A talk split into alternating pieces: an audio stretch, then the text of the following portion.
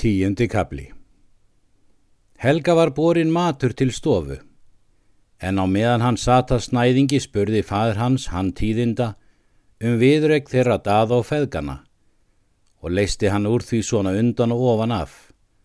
Svo vel mátti við hlýta, en let sín þar svo lítil sketið sem hann gatt.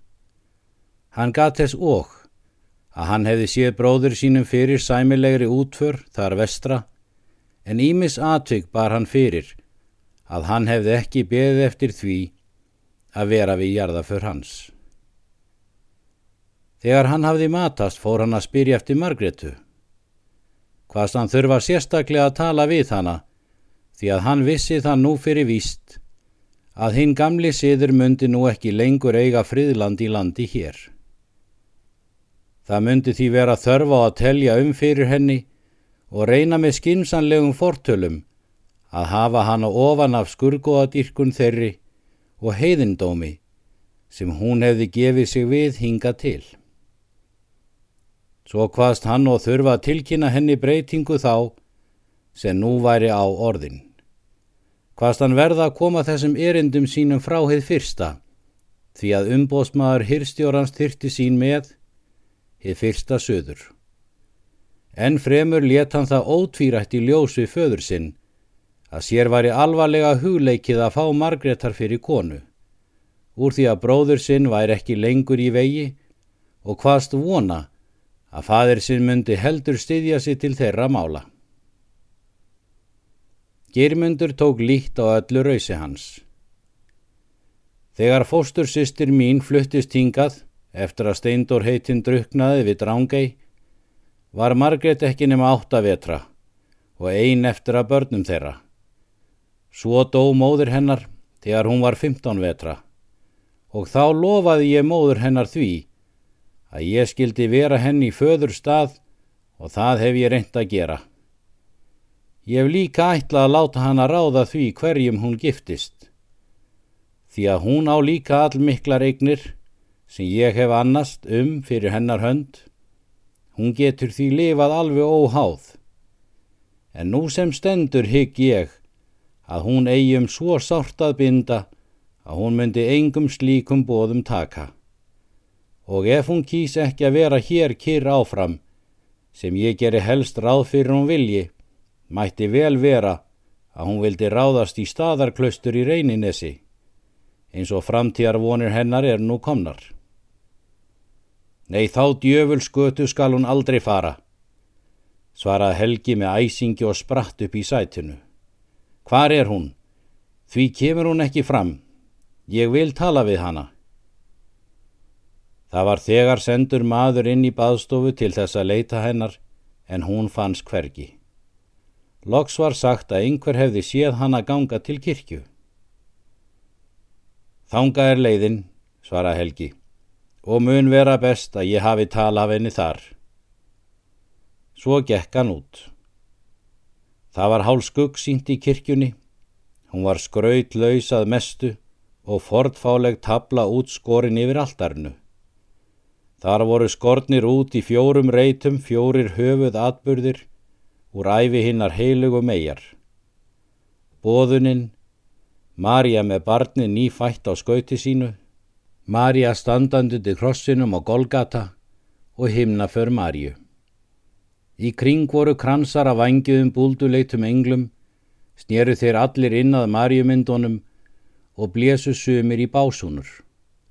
En út til jæðrana voru afskræmislega ljótir hortnóttir púkar á flótta með klær og langa hala. Allt var þetta litlaust, blagt, fortfálegt og ófagurt en samt var einhver helgi svipur yfir myndunum þó að þær væru ekki vel gerðar. En út í horninu vinstra megin við alltarið stóð helgi gripur kirkjunar.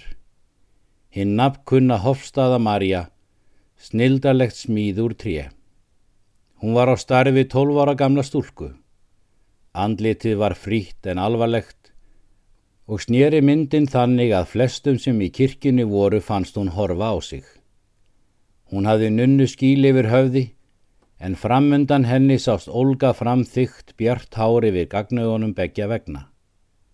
Hún var klætt ljós rauðum kirtli, dragsíðum, en yfir honum var dragsíð skikja, opina framann, blá á lit. Breið brún framann um alla skikju barmana og ermarnar kirtilsins var loga gilt, en öll var skikjan sett gilt um stjörnum.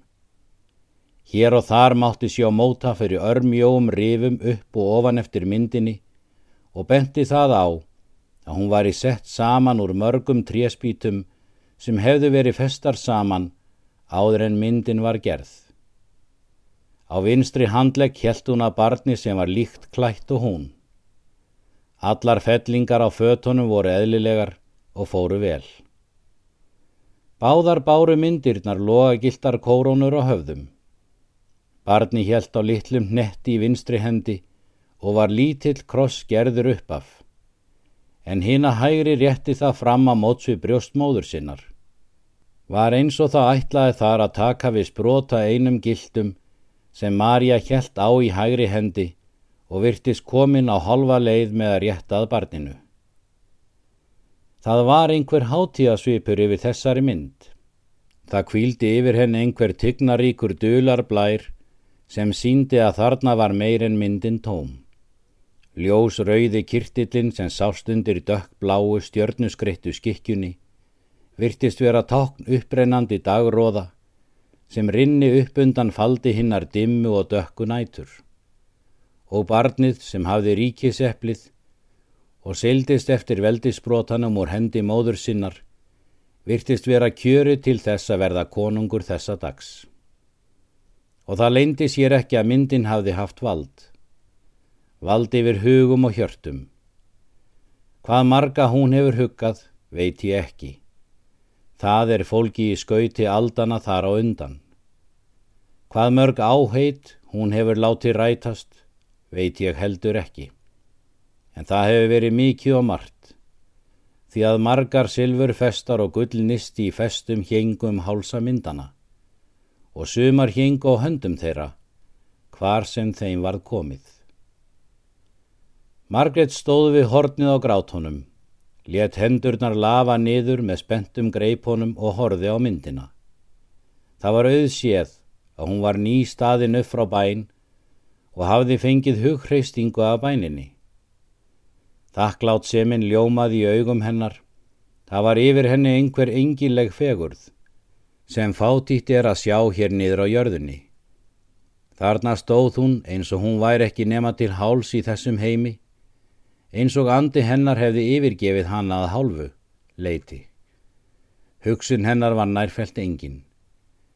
En það sem hún var, var hún einhver staðar út í geimnum. En svo rökk hún við eins og hún var í stungin með nál. Kirkjuhurðinni var hrundið upp harkalega og gengi rösklega á stífjölum inn kirkjugólfið. Þetta var Helgi. Hann kastaði kveði á Margretu, hún snýrist við honum og tók þurrlega undir. Henni óaði við honum. Henni fannst einhver kuldi einhver voði standa af honum.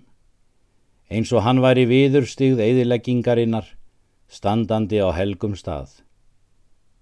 Helgi horfi á hana þegjandi litla stund. Aldrei hafði honum sínst hún gyrnilegri en nú. Aldrei hafði hann fundið það betur en nú að hann gat ekki án hennar verið. Hann fann að hann mátti til að ná henn á sitt vald hvað sem það kostaði og hann var alls ekki efins um að það tækist úr því að aðal fyrir staðan var horfin. Og þau horðust harn í augu, bæði alvarleg, bæði full hinn að æstustu geðsræringa. Hann fullur stjórnlausrar ákefðar að ná Margretu bæði andlega og líkamlega á sitt vald og brjóta nýður allt það sem myndi á sinn gamla sið. Hún full brennandi óbeitar á honum og log heitrar trúar á að Marja myndi hjálpa sér til að ganga hrein út úr þessum eldi. Hún var sterk að sjá, en hún var náföl og í brjóstinu barðist hjarta hennar ákaflega. Hún hjælt undir það með hægri hendinni. Loksins rauf Helgi þögnin og sagði alvarlega. Ég er komin aftur, Margret, eins og ég sagði. Ég sé það og fyrr en væntamátti. Má vel vera, en nú læti ég ekki reka mig út eins og hund eins og síðast.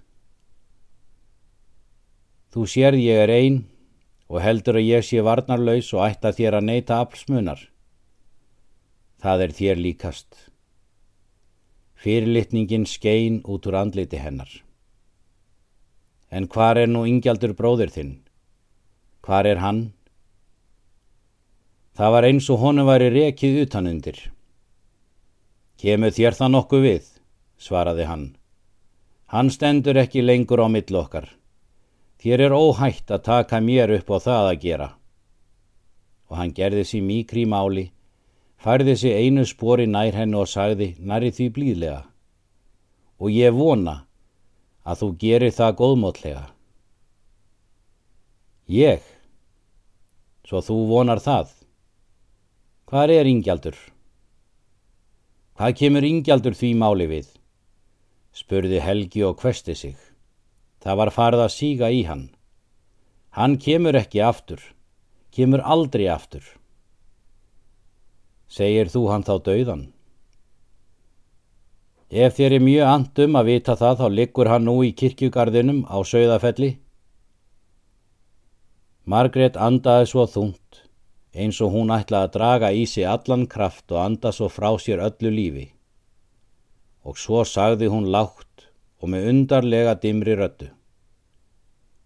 Og þú hefur drepið hann? Hún kvesti á hann augun. Kemur ekki því máli við, en dauður er hann og grafin vestur á sögðafelli eins og ég sagði. Hann stendur aldrei framar á millokkar. Aldrei meiri nú. Líf hans hefði ef til vill geta keift.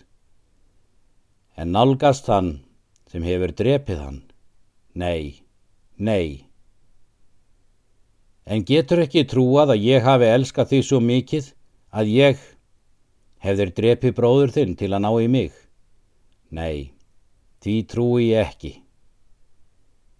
En ég hef svarið það að þú skalt verða mín, ef ekki með góðu, þá með íllu. Og hann færði sér nær henni og rétti fram hægri höndina eins og hann ætti að leggja hann á höfuð hennar eða öxl. En hún rökk undan með skelvingar svip, rétti fram báðar hendurnar eins og til að banda honum frá sér, beitt saman tönnunum og sagði í dimmum róm. Snertu mig ekki. Það er blóð á höndunum á þér, blóð bróður þíns. Helgi rökk undan, leit á hendurnar á sér og varð orðfall. En hann áttaði sig fljótt. Það logaði upp í honum óstjórnleg reyði, af því hann skildi ekki gæta sín betur, svo hann réð ekki við sig. Hann vildi finna eitthvað til að storka Margretu og hann fann það. Hann fór ofan í vasa sinn, tók þar upp Guðs lampið sem hann hafi slitið af hálsi yngjalds í fjörbrótum hans, grítti því ofan fyrir fætur Margretar og sagði hállátt í storkandi róm. Eftir á að higgja. Íngjaldur sendir þér þetta góð þitt aftur. Það hefur vist reynst lélegt. Margret hafði ekki augun af honum. Hún begði sér niður, tók upp nistið og leit á það. Á því voru blettir á þornuðu blóði. Hún kisti nistið og leta síðan renna ofan í barmsinn. Svo gekk hún tvö, þrjú, skref fram, lift upp hægri hendinni svo að hún stóð breynt fram í áttina til helga og sagði í hásum og torkennilegun róm. Farðu, farðu út og láttu mig aldrei sjá þig framar. Fyrr skal ég deyja enn. En þá var eins og kraftar hennar væru þróttnir. Hún leitt enn fyrrlitningar augum til helga svo að hann hörfaði fram að kórdýrónum eins og hún ætlaði honum að hverfa alveg og sörg ekki framar þennan helga stað. En svo skjögraði hún inn að Maríu alltarinu og æfti eins og í dauða ópi. Heilaga, heilaga Maríja, hjálpaðu mér nú og taktu mig til þín. Og svo neig hún niður á kniebeðin, lagði olnbúan á alltarið, og let höfuðið síga niður á hendur sér eins og hún var í gersamlega aflvana.